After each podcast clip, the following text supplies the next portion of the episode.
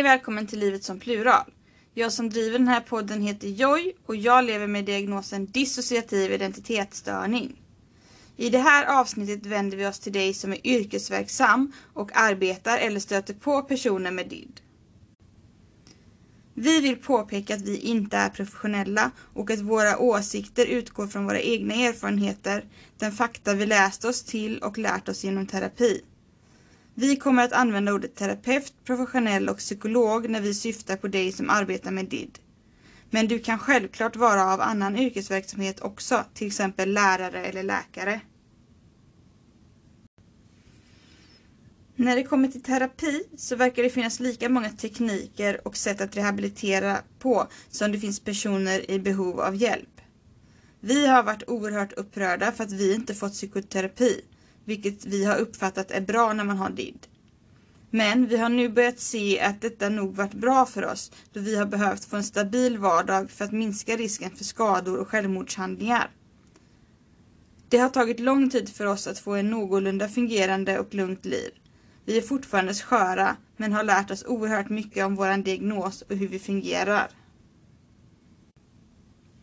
Våran räddning har varit att flytta till ett psykiatriboende där vi kan få hjälp och stöttning när vi behöver samtidigt som vi bor i en egen lägenhet. Vi upplever att det är oerhört viktigt att få lite distans till diagnosen. Med det menar vi att man behöver kunna se på sig själv lite mer objektivt. För när man är subjektiv blir man lätt väldigt insyltad i sig själv och det blir lätt rörigt. Genom att vara objektiv kan man lättare förstå varför man är som man är och gör som man gör. Därav anser vi att det är A och O att lära sig om sin diagnos. Vad den innebär och hur man kan hjälpa sig själv. Det är också viktigt att lära sig förstå sitt system och sina delar. Ju mer man lär sig om sitt system och sina delar, ju mer kan delarna samarbeta. Samarbete i systemet ger mindre minnesluckor och en mindre rörig vardag. Att prata om sina trauman är sekundärt till att börja med. Självklart är det viktigt att olika delar får uttrycka och prata om sina upplevelser när de kommer upp. Men att systematiskt prata om jobbiga upplevelser är inte alltid hjälpsamt vad vi kan förstå. När man arbetar med både barn, ungdomar och vuxna är det viktigt att man är ett team runt patienten.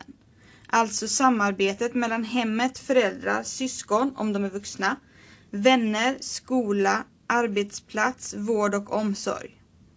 Har man en psykisk sjukdom behöver man ett nätverk runt omkring sig. Och ju mer kommunikation mellan instanserna, ju mindre mellan stolarna hamnar patienten och ju mindre behöver patienten upprepa sånt som borde vetas utav många utav instanserna. Som patient kan det vara oerhört frustrerande och uttröttande att behöva upprepa samma saker om och om igen. Det är också viktigt att alla instanser som ska arbeta med DID faktiskt förstår diagnosen och bemöter patienten på rätt sätt. Barn i de yngre åldrarna, upp till alltså sådär 10-11 år, som har DID behöver få veta att det de upplever är helt normalt. Att det inte är fel och att man kan ha röster i huvudet och att detta inte är farligt. De behöver veta att de duger som de är, trots sina olikheter och sina upplevelser. Vad vi kan förstå så är lekterapi bra för barn i de yngre åldrarna. Barn behöver få uttrycka vad de har varit med om och du som terapeut måste klara av att titta och lyssna. Många barn målar även sina trauman. Ett par av våra barndelar brukar måla traumabilder. Det är inte roligt att titta på i efterhand, men det är deras sätt att bearbeta vad de gått igenom. Fantasin är medel att använda som yngre barn oftast är i stort behov utav. För barn runt 11 år och uppåt hade vi definitivt pratat med dem om vad DID är och hur det fungerar. Alltså lärt dem om sin diagnos för att de i slutändan ska kunna förstå och vara mer objektiva. Det är också jätteviktigt att barnet känner sig trygg och att hen blir stärkt i sina upplevelser samt att hen får till sig att det inte är farligt att uppleva det hen upplever. Att få höra att det man upplever är helt normalt när man har DID Eh, och när man har upplevt trauman är viktigt för att kunna arbeta med sig själv. Om man är skamfylld och rädd för sina inre jag så blir det svårt att arbeta med dem. För att kunna arbeta med sig själv behöver man acceptera sig själv som man är med alla sina upplevelser. Det är viktigt att du som terapeut vågar möta de olika delpersonligheterna och deras olika känslor och reaktioner. Vissa delar är oerhört arga och skamfyllda och vill skada kroppen. Dessa kallas för förföljande inre jag. När de förföljande inre jagen är i farten behöver du vara lugnet och tryggheten i stormen. Personer som dissocierar behöver en stabil, trygg och förutsägbar terapeut som vågar, vill och kan möta hela patienten fördomsfritt och med nyfikenhet. Det är viktigt att du lyckas få din patient intresserad utav att arbeta med sig själv och sina delpersonligheter. Genom att arbeta med sitt system och kartlägga delpersonligheterna kommer hela systemet kommunicera bättre vilket hjälper patienten oerhört mycket. Jobbar du med vuxna så skulle jag definitivt börja med att förklara vad dissociativ identitetsstörning är för något och vilka symptom man kan ha. Det finns mycket bra litteratur att läsa tillsammans och arbeta med. Till exempel Att hantera traumarelad dissociation av Boone, Steele och van der Hart. Där skam är ska stolthet växa av Lander. Även om dissociations antologier Splittrade själar, Våga läka, Där ingen kunde nå mig och Att knyta band kan vara bra att diskutera kring. Dels för igenkänningsfaktorn och även för att lära sig om sin diagnos och om sig själv. Livet som plurals Instagram, podcast och Youtube kan också med fördel användas som diskussionsunderlag i ett lärande om DID. Även vuxna traumatiserade personer behöver trygghet, tydlighet, lugn och inte minst tid. Att läka från trauman tar jättelång tid och ingenting man kan göra på 10 stycken KBT-sessioner. Och som nämnt tidigare så behöver man känna hela systemet alltså hela sig själv får vara med i terapin utan att du som terapeut dömer. Vad du som psykolog eller terapeut måste hjälpa din patient med är alltså att förstå vad dissociativ identitetsstörning innebär och vilka svårigheter man kan uppleva. Genom att kunna känna igen sig i symptomen känns ofta symptomen mindre jobbiga och mer hanterbara. I alla fall för oss. Du som terapeut behöver hjälpa patienten att samla ihop alla delar så att de tillsammans kan styra skutan. Vad vi kan förstå kan man ofta känna sig mer splittrad ju mer man känner till sin problematik. Men med inre kommunikation så blir det ändå lättare att få ihop vardagen. När man inte har någon kommunikation i systemet resulterar det i en rörig vardag med fler minnesluckor än om man är medveten om sitt system. För oss är bland det mest frustrerande att vi har minnesförluster då vardagen blir så upphackad. Det bra att göra är att tillsammans med patienten nyfiket försöka kartlägga patientens system och delar. Detta gör också att patienten får en mer objektiv bild av sig själv. Istället för att knasiga saker bara händer så kan man se varför det blev som det blev och man gör som man gör. Det är också viktigt att man får en känsla av skillnaden mellan en upplevelse av att ha flera personligheter och att man har flera personligheter. Skillnaden är hårfin, men för oss är det första att vara objektiv och det andra att vara subjektiv. Det är lättare att förstå sin diagnos och att kunna arbeta med den om man är objektiv. Vi upplever i alla fall tiden som subjektiv som mer rörig än nu när vi har mera distans till oss själva och diagnosen. Att ha diagnosen dissociativ identitetsstörning är personligt, alltså ingen patient är den andra lik, som är det mesta helt enkelt. Det finns symptom som är övergripande, men hur de manifesterar sig hos just en viss patient är personligt och du som terapeut behöver utgå från detta och bemöta patienten med nyfikenhet och öppenhet. För oss är det oerhört viktigt att bli hörda som den vi är. Att vi blir bemötta i vår känsla av att vara plural. Många inom psykiatrin anser att man ska behandla personer med DID som man behandlar patienter med psykos. Det innebär att man ignorerar de sjuka och bara fokuserar på de friska. Därmed kommentarer som till exempel Vi pratar bara med den riktiga Joy. Vi upplever det som oerhört kränkande att bli behandlade på ett sådant sätt, alltså ignorerad. Det känns som att man inte tar oss på allvar och som att man inte tror på oss eller respekterar oss. Jag tror inte att någon tycker om att bli ignorerad. Så ett stort gör det inte till er som är professionella. Lyssna på hela patienten. Psykos och DID är inte samma sak. Så var lyhörd och visa patienten med dess upplevelse av att vara flera respekt. Vi tror att om alla delarna känner sig lyssnade på så vågar de mer och blir lättare att arbeta med. Som terapeut måste du dock vara beredd på de där delarna som är skeptiska eller rädda eller arga. De som tycker att terapi är farligt och de som inte vill ha terapi. Men ha tålamod och is i magen.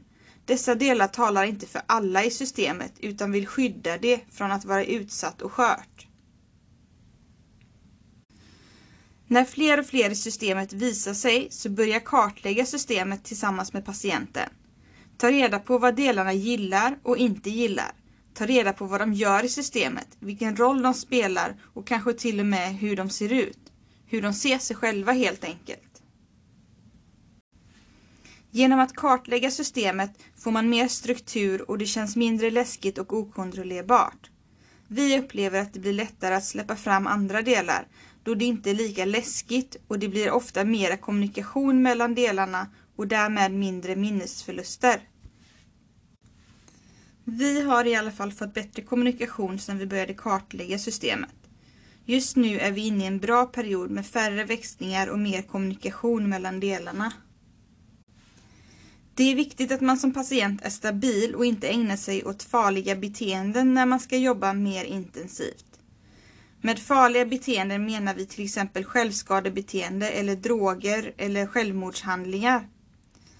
Detta tenderar nämligen att bli värre när man okontrollerbart växlar eller ska jobba med triggande och jobbiga saker. I slutändan är det många professionella som prompt vill att man integrerar sina delar och till och med gör en fusion. Vi anser att en fusion eller integration inte är nödvändigt om man lär sig om sitt system och därmed får lättare att fungera i vardagen samt att man hittar en acceptans i hur man själv fungerar och hur livet blivit. Det hela handlar om hur patienten vill göra. Så länge patientens vardag fungerar så anser vi att man inte nödvändigtvis behöver pressa mot integration eller fusion. Att integrera ett system innebär att två eller flera delpersonligheter håller ihop och hjälps åt. Det blir till en ny delpersonlighet med bra inre kommunikation och erfarenheter och lärdomar från alla delar som integrerats samtidigt. Fusion innebär att alla delarna liksom smälter samman till ett. Men vad du som professionell måste veta är att både integration och fusion kan hävas, alltså separeras igen.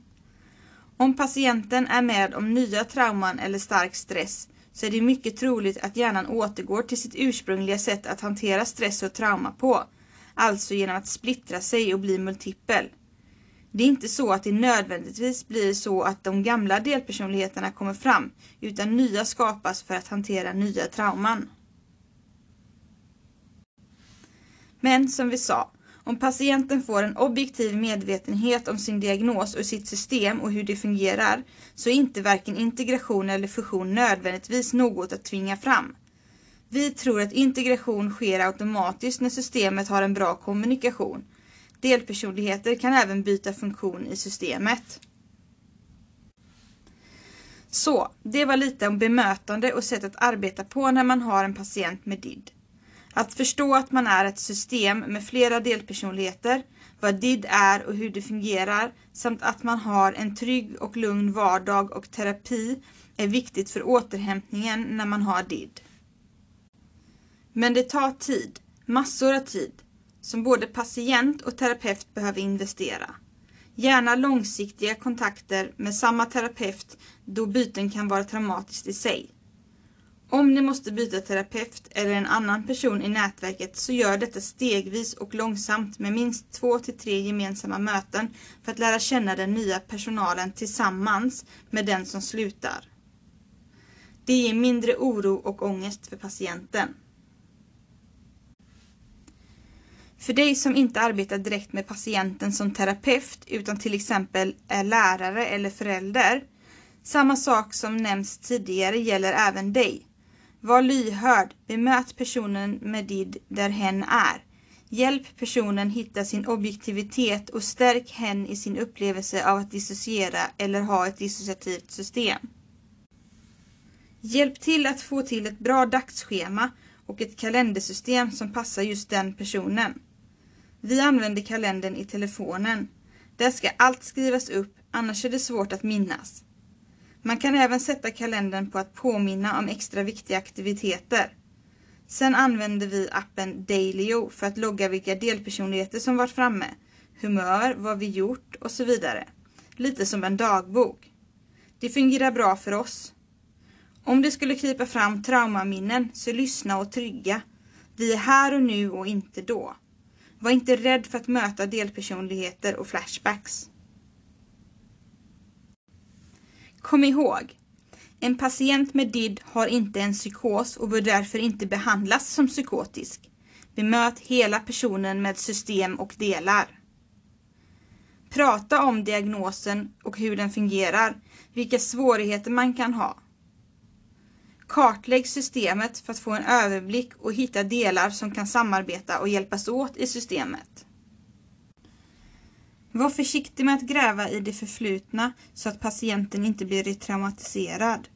Låt traumaerfarenheterna komma upp till ytan när de är redo och lyssna då och finns där som en trygghet. Vad vi kan förstå är det bra att till exempel kombinera psykologkontakt och fysioterapi samtidigt så att kropp och knopp får arbeta båda två. Ta det inte personligt om patienten inte dyker upp på utsatt tid. Boka om och satsa på nästa gång. Det kan vara svårt med tider och sånt när man har DID. Ta det inte heller personligt om ett förföljande inre jag häver ur sig att du är en usel psykolog eller något liknande. Det får stå för den delen som försöker skydda systemet. De flesta delarna tycker nog att du är en utmärkt psykolog, terapeut eller annan profession. Använd böcker, Youtube, Instagram, poddar och bra hemsidor såsom livetsomplural.com och dissociation.nu. Tyvärr är det många kanaler som är på engelska och flera av dem är subjektiva i sitt framförande. Vi på Livet som Plural försöker hålla oss objektiva. Genom att använda böcker, nätet, poddar och så vidare så kan patienten både känna igen sig och lära sig om sin diagnos. Ju mer man vet och förstår, ju lättare blir det att arbeta med sig själv och framförallt minskas stigmat och skammet i att ha DID. Det går att lita lika mycket på en person med dissociation som en utan. Var inte rädd för att möta delpersonligheterna och dissociationer.